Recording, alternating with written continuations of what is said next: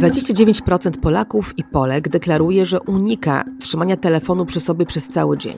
Na przykład odkłada go, kiedy wraca do domu. 25% twierdzi, że odkłada telefon na czas jedzenia. 18% unika kładzenia go w łóżku, kiedy kładzie się spać.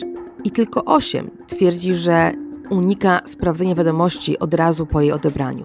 Cóż, korporacje internetowe napracowały się, żeby przywiązać nas do tych małych i dużych ekranów. Przywołane liczby pochodzą z badania Instytutu Cyfrowego Obywatelstwa i pokazują stan naszej higieny cyfrowej pod koniec 2022 roku. Stan jest tym słabszy, im mocniej daliśmy się przywiązać i do urządzeń, i do aplikacji, które dają nam płytkie, ale przecież bardzo potrzebne relacje społeczne. Nawet jeśli ta przynależność do plemion internetowych jest iluzją, a relacje sprowadzają się do wymiany lajków, media społecznościowe mają bardzo realny wpływ na nasze życie.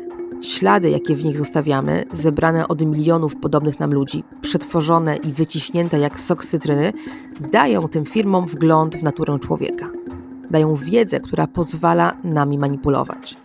Zatrzymywać nas coraz dłużej przy ekranie, grać na naszych podstawowych potrzebach, stwarzać łudę akceptacji, docenienia, przynależności. A to wszystko po to, żeby cenne sekundy naszej uwagi i momenty słabości wystawić na sprzedaż. Przy mikrofonie Katarzyna Szemilewicz. Witam Was w podcaście Panoptykon 4.0. Fundacja Panoptykon, w której pracuję na co dzień, od lat zmienia internetowe korporacje. Obnażamy szkodliwość ich modelu działania. W Brukseli walczymy o prawo, które nie pozwala im na inwazyjne śledzenie i profilowanie nas dla zysku. Naciskamy na największe firmy, żeby poważnie zaczęły traktować naszą godność i prawo do prywatności. Jeśli słuchając mnie teraz myślicie, bardzo to piękne, ale czy jest coś, co ja mogę zrobić, żeby się obronić, żeby poczuć się w sieci lepiej albo zadbać o moich bliskich, to zostańcie z nami. Bo dziś w podcaście gości Magdalena Bigaj, współautorka badań, które przywołałam, założycielka i prezeska Instytutu Cyfrowego Obywatelstwa i autorka książki Wychowanie przy ekranie. Jak przygotować dzieci do życia w sieci. Książka wkrótce trafi do księgarni. Dziś porozmawiamy o szeroko pojętej higienie cyfrowej, o świadomym wchodzeniu do i wychodzeniu z sieci, a więc o tym, jak w niej być na swoich zasadach. Zapraszam. To jest Panoptykon 4.0. Witam cię serdecznie. Cześć Kasiu. O tym, że bardzo chcę z Tobą porozmawiać, wiem już od października ubiegłego roku, kiedy przeczytałam Twój programowy, jak sądzę, tekst na łamach więzi, w którym mówisz czas na cyfrowy personalizm. Ta, to wezwanie jest mi bardzo bliskie. I zanim książce i o waszych ostatnich badaniach, do których na pewno dziś dojdziemy, chciałabym wrócić do, tego, do tych programowych tez, które stawiasz, że żyjemy w świecie, w którym jesteśmy nadużywani, w którym technologia jest projektowana po to, żeby nas angażować na różne sposoby, których nie kontrolujemy i że to jest zasadniczo bardzo zła kondycja dla człowieka, że mierzymy się z nierówną grą, w której pytanie, czy my musimy w niej przegrać, czy tam jeszcze jest, są jakieś karty do rozdania, których my może nie mamy w rękach, a moglibyśmy po nie sięgnąć. Mm, ja patrzę y, na to tak, że jesteśmy w pewnym procesie rozwojowym, jeszcze zachłyśnięci tym rozwojem i dostaliśmy zabawki, którymi bawimy się bez myślenia o konsekwencjach.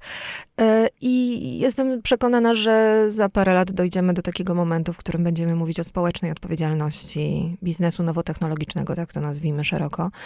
Y, więc po prostu musimy teraz o tym dużo mówić, że mm, skończyła się era dzikiego zachodu, trzeba to ucywilizować i postawić w centrum działania człowieka. To znaczy, oczywiście, nie łudzę się, biznes projektując swoje usługi i produkty jest skoncentrowany na zysku i to jest naturalne, ale jak większość dojrzałych biznesów, także nowe technologie muszą zacząć myśleć o tym, e, gdzie jest ta granica pomiędzy robieniem czegoś dla użytkownika dla klienta, uwodzeniem go, nakłanianiem go do korzystania, a wykorzystywaniem go. I musimy zacząć e, o tym po prostu debatę publiczną, żebyśmy jak najszybciej doszli do takiego etapu, do którego doszedł na przykład biznes odzieżowy, dochodzi jeszcze, tak, e, do etapu, do którego doszedł na przykład biznes związany z tytoniem, chociaż ja nie lubię porównywać nowych technologii do nałogu nikotynowego, natomiast tam też byliśmy kiedyś na etapie, kiedy wszyscy palili papierosy, nie? Kasia, przecież wyobraź sobie, że żyjemy tam, nie wiem, 50 lat temu i nagle jesteśmy aktywistkami, które mówią, słuchajcie, musimy wywalić fajki ze szkół, z domów, a ludzie mówią, stara, przecież kurczę, w parlamencie wszyscy palą, który polityk ci to uchwali? No dzisiaj jesteśmy w 2023 mm. i w sumie nawet już obciachem jest, jak ktoś na ulicy obok nas idzie i pali, bo już nam to przeszkadza. To prawda, ale piszesz w owym tekście, który przywołałam, mocne zdanie, wiele mocnych zdań. Zachęcam was do przeczytania tego tekstu, jest naprawdę świetny. Odpakowując swój pierwszy telefon, bez względu na to, czy jesteś dzieckiem, czy dorosłym, rozpoczynasz grę ze swoim mózgiem. Od tego momentu on będzie, mózg będzie robił wszystko, żeby skierować twoją uwagę na źródło szybkiej przyjemności. To jest coś, o czym mówimy w tym podcaście często. Mm. Mechanizm dopaminowy, z którym jak sobie z tym radzić? Czy to nie jest mm -hmm. trochę tak, że jesteśmy szczurami w eksperymencie i wyjście z tej klatki, którą ktoś nam założył, złotej klatki, przezroczystej klatki, jest potwornie trudne. Co wynika na przykład z, z badań, które prowadziliście niedawno jako Instytut Cyfrowego -hmm. Obywatelstwa na dorosłych Polakach pod kątem ich higieny cyfrowej? -hmm. No, przede wszystkim nie jest winą na pewno e, świata nowych technologii, że mamy układ nagrody w mózgu, prawda, który reaguje na rzeczy przyjemne. Natomiast bardzo niedobrze, że my jako ludzie po prostu o tym nie wiemy. Ja czasami myślę, że w zasadzie do każdego urządzenia ekranowego powinna być dodawana ulotka, na której przeczytamy e, drogi kliencie, drogi użytkowniku, e, to jest urządzenie, które będzie bardzo silnie oddziaływało na twój mózg. Od tej pory będziesz e, miał duże wyrzuty dopaminy na widok lub nawet na myśl o tym urządzeniu, dlatego e, pracuj nad swoją samoregulacją i samokontrolą. W zasadzie tak powinniśmy dostawać taką krótką instrukcję i to jest zdumiewające, że w zasadzie nie interesujemy się, jak na nas wpływa coś, czego używamy na co dzień. Bo urządzenia ekranowe, no już takie jak smartfon, smartwatch, tablet, który trochę odchodzi wchodzi na margines e, użytkowania, no to nie jest, nie jest telewizor. To jednak jest nie, nieporównywalnie bardziej interaktywny. No i ich twórcy doskonale wiedzą to, czego my jako użytkownicy często nie wiemy, czyli jak zbudowany jest mózg. Z tej potrzeby zadbania o społeczeństwo w tym zakresie zrodziła się koncepcja no, otwarcia debaty publicznej na mówienie o tym, że mamy problem społeczny z używaniem urządzeń ekranowych i wyjścia poza taki obszar mówienia o dzieciach i młodzieży. Wiesz, ja się wywodzę w ogóle z branży interaktywnej, gdzie spędziłam kilkanaście lat swojego życia zawodowego. Zresztą wiesz, jak to się projektuje. w tym budynku też spędziłam całkiem dużo w Agorze.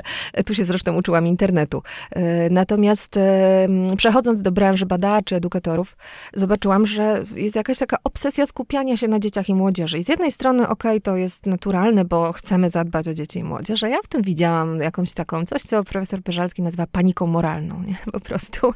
Im gorzej zachowywaliśmy się my dorośli, tym bardziej chcieliśmy dbać o te dzieci, ale to nie wychodzi, prawda? Bo my jesteśmy stadem i modelujemy zachowania dzieciaków.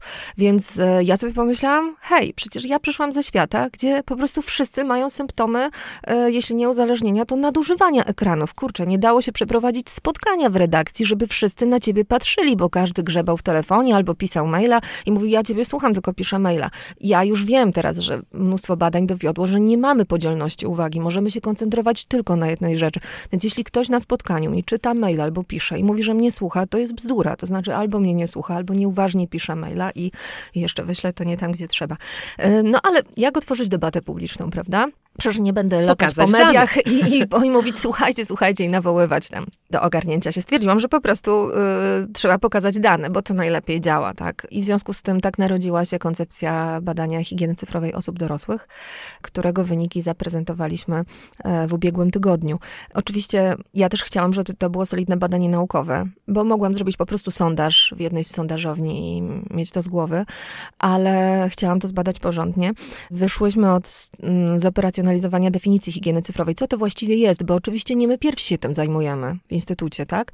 Natomiast wcześniej, no, mm, zauważyłam, że ta higiena była bardzo różnie pojmowana. W zależności od tego, jaka, w jakiej dziedzinie operowali y, ludzie zajmujący się higieną cyfrową, to tak ją definiowali. Trochę bardziej ze strony psychologii, czasami trochę bardziej ze strony cyberbezpieczeństwa.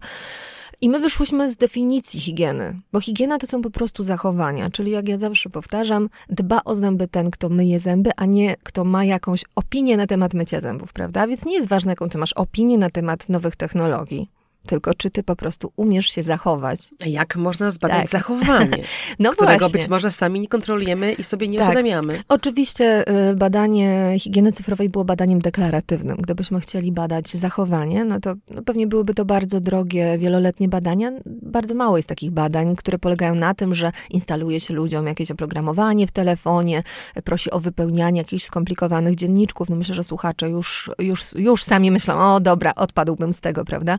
Oczywiście y, bazujemy na pewnych deklaracjach, ale to, na czym nam zależało, to to, żeby stworzyć projekt badawczo-edukacyjny, czyli taki, który dostarczy nam wiedzę na temat zachowań, ale też będzie edukujący nie tylko dla respondentów, bo oczywiście grupa reprezentatywna dla społeczeństwa to jest tam 1067 osób. Natomiast y, wiedziałyśmy od początku z Magdą Wojnarowską, z którą tworzyłam badanie, że będziemy chciały udostępnić test higieny cyfrowej online dla każdego. I z tego też narodziła się koncepcja stworzenia nowego narzędzia badawczego, ponieważ e, oczywiście wpływ internetu na użytkowników badany jest od połowy lat 90. Kimberly Young zapoczątkowała i jej właściwie test uzależnienia od internetu jest do dzisiaj wykorzystywany, natomiast i na jego bazie powstało mnóstwo narzędzi w ostatnich czasach. Test problematycznego używania internetu, skala FOMO, kilka innych jeszcze narzędzi badawczych, natomiast one wszystkie koncentrują się na tym, jak bardzo schrzaniłeś robotę. Tak? To jest taki test, który cię pyta. Jak e, duży masz wiesz, problem. Tak, jak duży masz problem. I po jego wypełnieniu to już naprawdę nic ci się nie chce, tylko usiąść i poskrolować dla relaksu dalej tego Facebooka. E, Postanowiłyśmy więc stworzyć narzędzie badawcze, no i skracając, tak powstał e, kwestionariusz samooceny higieny cyfrowej, który składa się ostatecznie z 39 zachowań, sformułowanych właśnie nie w formie pytań, tylko zdań twierdzących, czyli na przykład na jedną, dwie godziny przed snem unikam używania urządzeń ekranowych. Tak, nie? Tak, Nie wiem. e, t- nie, nie, nie wiem, bo tego nie można nie wiedzieć, natomiast tam mamy skalę częstości, czyli zawsze lub prawie zawsze, często, czasem, nigdy lub prawie nigdy. E, I to jest coś takiego, co byłam pewna, że zadziała i z feedbacku od e, ludzi i znajomych, i obcych, którzy do nas piszą, widzę, że to rzeczywiście zadziałało, że ludzie Trudniej piszą jest skłamać? tak, Nie, że to jest motywujące wbrew pozorom, że ludzie piszą, kurczę, wypadłem fatalnie, ale już wiem, co mam robić. Mhm.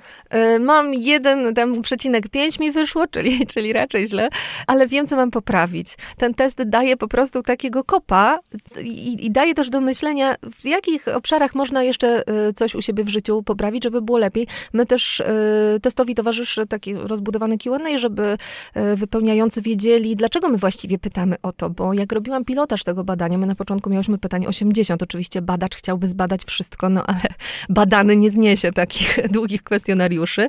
W zasadzie zgodnie ze sztuką badawczą test i tak powinien być krótszy niż te 39 zachowań. W każdym razie my tam mamy takie na przykład pytania, które w pilotażu, jak puściliśmy je wśród zamkniętej grupy osób, to ludzie napisali, po co to pytacie? Na przykład to jest takie pytanie, zachowanie, które mówi o tym, że y, wykonując czynność wymagającą skupienia, na przykład pracując lub ucząc się, usuwam telefon z zasięgu wzroku. Mhm. I badani w pilotażu nam pisali, ale po co? Przecież są y, tryby samolotowe, tryb pracy. No więc dla, po to, żeby nie mieć tej pokusy i tego wyrzutu dopaminy na sam widok telefonu, ponieważ nasz mózg tak działa. Mamy on- badania, które to tak, potwierdzają. Oczywiście, tak. On po prostu skanuje otoczenie i kiedy widzi jakiś przedmiot, który przypomina telefon, to będzie się dekoncentrował. Więc jeśli chcesz się skupić, to usuń ten telefon z zasięgu wzroku. Ja to zawsze uczniom powtarzam na warsztatach, że to nie chodzi o to, żeby im zabrać tę przyjemność, tylko właściwie, żeby tej przyjemności potem mieli więcej, bo jak usuniesz telefon w czasie skupienia, to szybciej załatwisz to, co masz do zrobienia i masz więcej czasu na przyjemność, prawda? A nie żyjesz w tej ciągłej dekoncentracji, bo jak pokazują badania, ponowna koncentracja na zadaniu zajmuje nam od trzech do nawet kilkunastu minut. Więc zobacz, o ile wydłuża się na przykład praca nad tekstem, kiedy piszemy i co jakiś czas odbieramy powiadomienia, bo ten telefon leży i go widzimy. Jasne. Z mojego rozeznania w, w badaniu wynika, że, że definiujecie takie cztery grupy, w zasadzie cztery rodzaje rekomendacji, prawda? Mhm. Dla, dla człowieka, który chciałby zadbać o swoją higienę cyfrową. Kontroluj czas, kontroluj dane, jakie przekazujesz Mhm. tej maszynie, która cię profiluje. Wybieraj treści. Jeżeli jesteś w stanie, unikaj treści, które mogą naruszać twój dobrostan, który dla każdego znaczy coś innego, więc to nie jest takie jednoznaczne, prawda? Że dla jednego to będą treści sensacyjne, dla innego dotyczące zdrowia może na przykład, albo e, dzieci, bo mają dość słuchania o chorobach. W czasie pandemii, na przykład. Więc y, jeżeli idziemy tym tropem, ja głośno myślę, skoro człowiek jest podatny na ten wyrzut dopaminy, skoro po drugiej stronie są ludzie, tak jak piszesz w swoich tekstach programowych, którzy zajmują się wyłącznie tym, żeby nas przechytrzyć, żeby nas złapać na tę wędkę, są tam algorytmy, które nie robią, w cudzysłowie, nie robią nic innego niż śledzą nasze zachowanie, uczą się wzorców nie tylko na nasz temat, tylko całego społeczeństwa i pod to dobierają nam to, co nas, to, co odpali w nas tą dopaminę, ta gra jest ewidentnie nierówna i sama to podkreślasz, to którędy prowadzi droga wyjścia?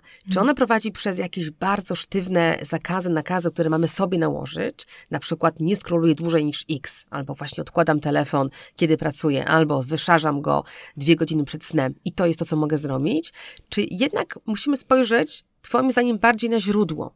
Całej tej mhm. historii, czyli to projektowanie, odpowiedzialność firm. Szłabyś oboma tymi strumieniami mhm. działania, czy może jednak to jest czas, żeby mówić do firm mhm. i o firmach? Wiesz co, ja nawet widzę trzy takie drogi, takie obszary działania cyfrowego obywatelstwa, bo w zasadzie w instytucie, to nie jest Instytut Higieny Cyfrowej, tylko cyfrowego obywatelstwa, które jest, które polega na odpowiedzialności za wspólną przestrzeń cyfrową, i ta odpowiedzialność dotyczy nie tylko użytkowników, ale także twórców i współtwórców. Tu jako współtwórców rozumiem bardzo dużą grupę, w zasadzie większą niż twórców, czyli wszystkich profesjonalnych operatorów y, nowych technologii, czyli influencerów, firmy, które się tam reklamują, które prowadzą komunikację w mediach. No one tworzą tak naprawdę. Media. Tak, media same w sobie, więc my staramy się pobudzić tę odpowiedzialność zarówno na poziomie indywidualnym, czyli to jest ten obszar higieny cyfrowej, ale również na poziomie biznesowym, gdzie możemy to nazwać odpowiedzialną cyfryzacją albo społeczną odpowiedzialnością firm, e, właśnie w tym zakresie e, przestrzeni, działanie w przestrzeni cyfrowej. Jest też e, trzecia taka bardzo ważna grupa, czyli działanie na poziomie społecznym, to znaczy doprowadzenie do tego również, żeby ten temat jakby społecznie został uznany jako ważny społecznie. Takim tematem uznanym za ważny społecznie jest na przykład temat y, zdrowego odżywiania dzięki czemu y, szkoły mają określony na przykład sposób żywienia dzieci, y, edukują dzieci w tym zakresie, pojawiły się jakieś warzywa, jest więcej WF-ów w szkole. To się nie, działo, nie zadziało od razu. Ostatnio 30 lat obchodził program, zapomniałam dokładną nazwę, ale to jest program rozwoju zdrowia w szkołach, taki bardzo, zbyt skromni ludzie to właśnie prowadzą, za mało się tym chwalą, a bardzo dużo im zawdzięczamy. To, jak dzisiaj wygląda właśnie dbanie o zdrowie i o dietę w szkole. Więc do takiego etapu też powinniśmy dojść z mówieniem o odpowiedzialnym poruszaniu się e, w mediach, bo to jest bardzo e, w mediach cyfrowych, bo to jest bardzo złożony temat, ale też o byciu takim odpowiedzialnym konsumentem, który ma prawo wybierać i ma prawo wywierać też nacisk na platformy, na przykład, czy na media, które lubi. Tak jak dzisiaj konsumenci potrafią powiedzieć celebrycie, że na przykład promuje fast fashion i że to jest obciach, nie? że to jest nieodpowiedzialne. Tak samo wierzę, że dojdziemy do tego. Natomiast jeśli chodzi o zmiany e, w branży, no oczywiście to jest bardziej pole, na którym wy działacie niż my. My staramy się pokazywać tę społeczną odpowiedzialność, którą branża powinna mieć, bo ja nie mam złudzeń, to znaczy zadaniem na przykład big techów nie jest edukowanie społeczeństwa, czy dbanie o bezpieczeństwo jakieś tam e, nasze psychiczne, bo się naoglądaliśmy, nie wiem, celebrytki, która nam sprzedaje jakiś wyidealizowany obraz świata. Umówmy się, dlaczego Facebook miałby to regulować, czy Instagram, to my musimy mieć pewne pewne kompetencje. Natomiast są pewne rzeczy, których musimy wymagać, na przykład związane z bezpieczeństwem, z podmiotowością człowieka, z, z manipulacją. Absolutnie to nie powinno mieć miejsca, ale ja też jestem, e, no jestem zdumiona i cieszę się, że dostałam się do programu Forum IAB w tym roku, bo porozmawiam sobie o tym z branżą. Jak to jest, że TikTok w zeszłym roku zanotował 500% wzrostu z reklam? Ja pracowałam tutaj w portalu, wiem, jak się traktuje reklamodawców no jako reklamobiorca robi się zasadniczo wszystko, żeby reklamodawcę usatysfakcjonować. W sytuacji reklamobiorcy, jakim jest TikTok, sytuacja jest odwrócona. To znaczy y, firmy łożą tam ogromne pieniądze i dlaczego nie wywierają nacisku, żeby jednak doprowadzić do tego, żeby TikTok realizował to, co ma zapisane w regulaminach. Bo mimo wszystko na Facebooku Blackout Challenge nie hula tak? Dokument The Cleaners chociażby pokazuje, ile mimo wszystko Facebook wkłada wysiłku w to, żebyśmy z pewnymi treściami nie mieli do czynienia.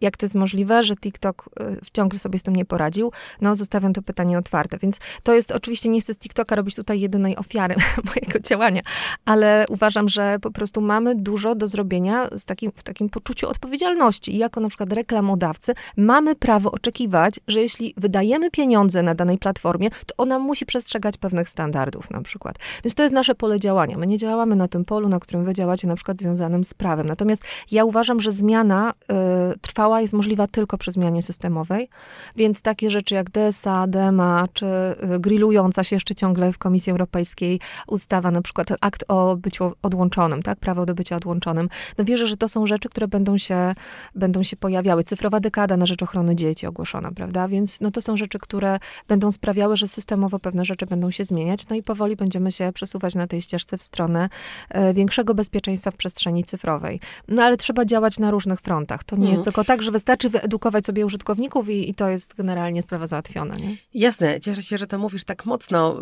choćby przywołując koncepcję higieny cyfrowej. Ja teraz sprawdziłam, że mm, nasz podcast z udziałem Kamila Siwowskiego, Dobrze żyj w sieci, dokładnie na ten temat powstał trzy lata temu. To jest, są bardzo stare koncepcje. Mm -hmm. Nasze urządzenia od dawna oferują nam te wszystkie wyszarzania, wyciszania e, powiadomień. To nie jest tak, że my tego nie możemy zrobić. Jest nam po prostu bardzo trudno, bo -hmm. zostaliśmy tak głęboko zanurzeni przez usługi, które były projektowane od początku nie jako usługa dla nas, tak jak -hmm. podkreślasz, tylko jako usługa dla e, reklamodawcy, a ci reklamodawcy niestety dość długo budzą się, za długo, do oczekiwania odpowiedzialności. Wspomniałaś dokument E, Cleaners, on po polsku bodajże miał nazwę Czyściciele Internetu. E, bardzo dobra rzecz, pojawiło się na festiwalu Against Gravity też 7 lat temu, mhm. E, pokazująca z jakimi wyzwaniami mierzy się portal rozmiaru Facebooka, teraz Meta, jeśli chodzi o moderację treści. Mhm. Ta moderacja też coraz bardziej jest robiona przez algorytmy, nie przez ludzki interfejs, bo tego jest za dużo, co powoduje inne problemy, takie jak blokowanie treści w zasadzie legalnych i wcale nie szkodliwych szkodliwych, dlatego tylko, że algorytm wykrył kawałek na gości albo jakieś inne słowo kluczowe, którego w kontekście nie zrozumiał. Z drugiej strony mamy nowe media, jeszcze nowsze, jeszcze szybsze media, takie jak TikTok, gdzie obiektywnie ta moderacja jest po prostu trudniejsza, kiedy mamy live streaming i tego typu specyficzne funkcjonalności, ale ja z jednej strony w Fundacji Panoptykon my walczymy rzeczywiście o regulację prawną i wierzymy, że to jest jakaś ścieżka do zmiany systemowej. Od tej strony Unii Europejskiej oczywiście, bo to nie ma żadnego sensu na poziomie krajowym, e, ale z drugiej rozmawiamy z firmami i ja słyszę od firm, nawet od TikToka właśnie, który w osobie Jakuba Oleka gościł w, w naszym podcaście, że próbują, próbują tych dobrych mm. praktyk, wychodzą do tego dialogu. Więc myślę, że to jest właśnie rok, mm -hmm. w mhm. którym musimy tak. do tych chwil wychodzić i nie możemy być w tym, myślę, zbyt pokorni, mm -hmm. bo pytasz, jaki mają interes. Oczywiście, że żaden, ale jaki -hmm. interes miał Shell w tym, żeby zaprzestać trucia? Jaki interes mają firmy tak. tytoniowe, tak. żeby produkować mniej toksyczne, mhm. uzależniające papierosy?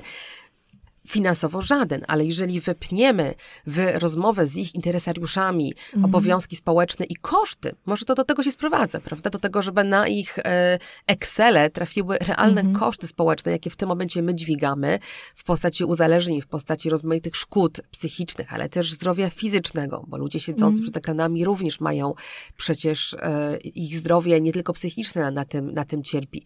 Bardzo trudno jest wyliczyć, byłoby wyliczyć szkody dla debaty publicznej, czy tak zwanej demokracji demokracji, o tym się coraz więcej mówi, bardzo trudna sprawa, żeby zbudować związki przyczynowo-skutkowe między tym, jak my konsumujemy media, a tym, jakimi jesteśmy wyborcami czy obywatelami. Ale jednak to pewne korelacje tutaj da się uchwycić i teraz wracamy do szerszego grona interesariuszy. Media.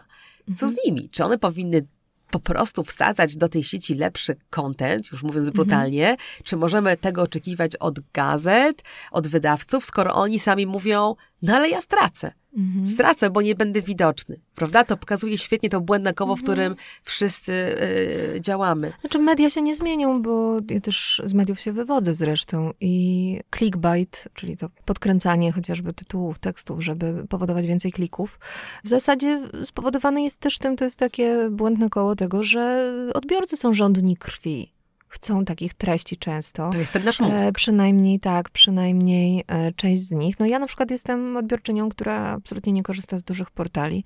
Przepraszam, Matka Agorę. Nie jestem w stanie konsumować stron głównych dużych portali, to w ogóle mi ubliża to, w jaki sposób moja uwaga tam jest e, pozyskiwana. E, natomiast no, nie mam złudzeń, że media miałyby nagle poczuć misję w ujęciu masowym, bo jest bardzo dużo dobrych, niszowych, jakościowych mediów, z których sama też często korzystam. Pismo, Nowy Obywatel, Więź na przykład, tak? To są, to są takie tematy, gdzie ja sobie zrobiłam przyczółek. Czyli wracamy do twojej rady, wybieraj, tak, ale nie tak. wybieraj z tego, gdzie jest sam szlam, czy mhm. sam, same treści sensacyjne. Mhm.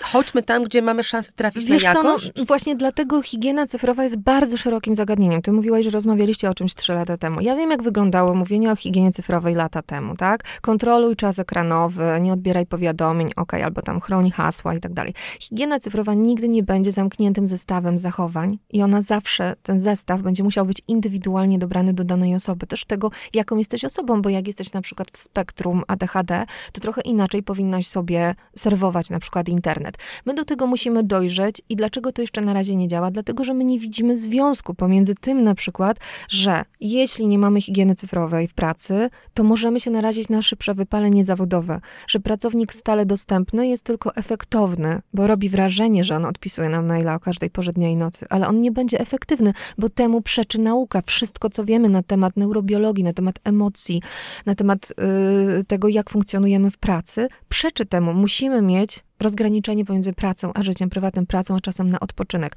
Musimy dać głowie się ponudzić, żeby wpaść na dobre pomysły. Inny obszar, którego też często w związku nie widzimy, wpływ na relacje.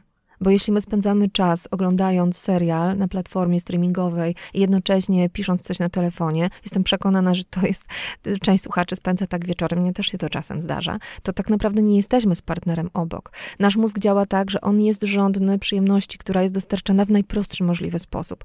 Więc jeśli dosta, dostaje dużo przyjemności w internecie w postaci uznania, bo tam kreuję w jakiś sposób siebie, to nagle moja relacja z partnerem, która wymaga zaangażowania, obsłużenia też jego emocji, tego, że on nie zawsze jest gotów do tego, żeby mnie adorować, bo też miał swój zły dzień, e, gorszy moment i... E, Albo nie okaże tego w tak, tak oczywisty sposób jak like. Jak, tak, jak like, który, y, like, który daje olbrzymie wyrzuty dopaminy, no to nagle mam, zaczynamy mieć z tym problem. Pornografia, o której robimy sobie takie heheszki, no tak, my dorośli, jeszcze Pornhub jest taki e, na czasie, on ma zawsze takie świetne reklamy, y, real-time marketing i tak dalej. Zaczęliśmy normalizować to, ok, ktoś powie, że jesteśmy dorośli, możemy z tego skorzystać. Polecam zainteresować się, jak pornografia wpływa na nasze życie seksualne, tak? Że na kozetkach są już ludzie wychowani na pornografię od najmłodszych lat, którzy nie potrafią odbyć stosunku seksualnego, że masturbowanie się kilka razy w tygodniu do pornografii sprawia, że my jesteśmy pobudzani w zupełnie inny sposób i potem ciało drugiego człowieka nas nie pobudza.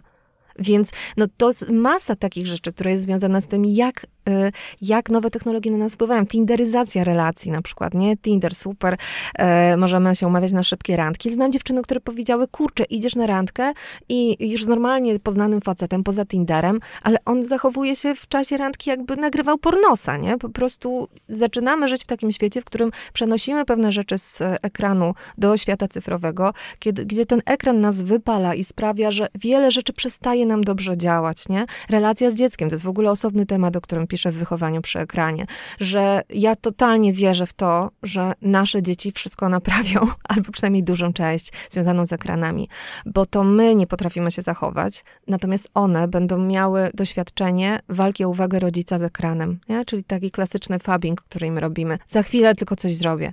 Mama odpisuje na maila do pracy. I to dziecko cały czas dostaje takiego kopa i jesteś w drugiej kolejności, nie? Musisz sobie poczekać, bo ja teraz robię coś ważnego na telefonie. A dla niego telefon to wiesz, to jest świnka Pepa, nie? Ono nie rozumie, że my tam nie gramy w grę, tylko myśli, że wybieramy po prostu prostą rozrywkę zamiast niego. Więc jest ileś dziedzin życia, gdzie ten brak higieny cyfrowej jest dla nas rujnujący. I ja myślę, że my to zrozumiemy z czasem, tak jak zrozumieliśmy, dlaczego nie należy obiadać się cukrem, dlaczego nie warto palić papierosa nad kołyską i zaczniemy dokonywać świadomych wyborów. I wtedy do przodu będą ci, którzy szybko zrozumieją, że trzeba być społecznie odpowiedzialnym. Że to też jest biznes tak. i pieniądz. Jestem przekonana, że e, zresztą od początku e, działania Instytutu mamy taką ofertę wsparcia pracodawców, że już niedługo kluczowym benefitem będzie to, że pracodawca powie w naszej kulturze pracy przestrzegamy higieny cyfrowej. I to będzie ważniejsze niż, kurde, słynne owocowe czwartki, które już na nikim nie robią wrażenia, prawda? Ale y, inne benefity, karty sportowe i tak dalej. Dlatego, że ludzie będą wiedzieli, że będą sobie mogli iść spokojnie na tą siłkę, bo nie będzie im Slack w telefonie co chwila pikał, że ktoś tam wrzucił nową linijkę kodu.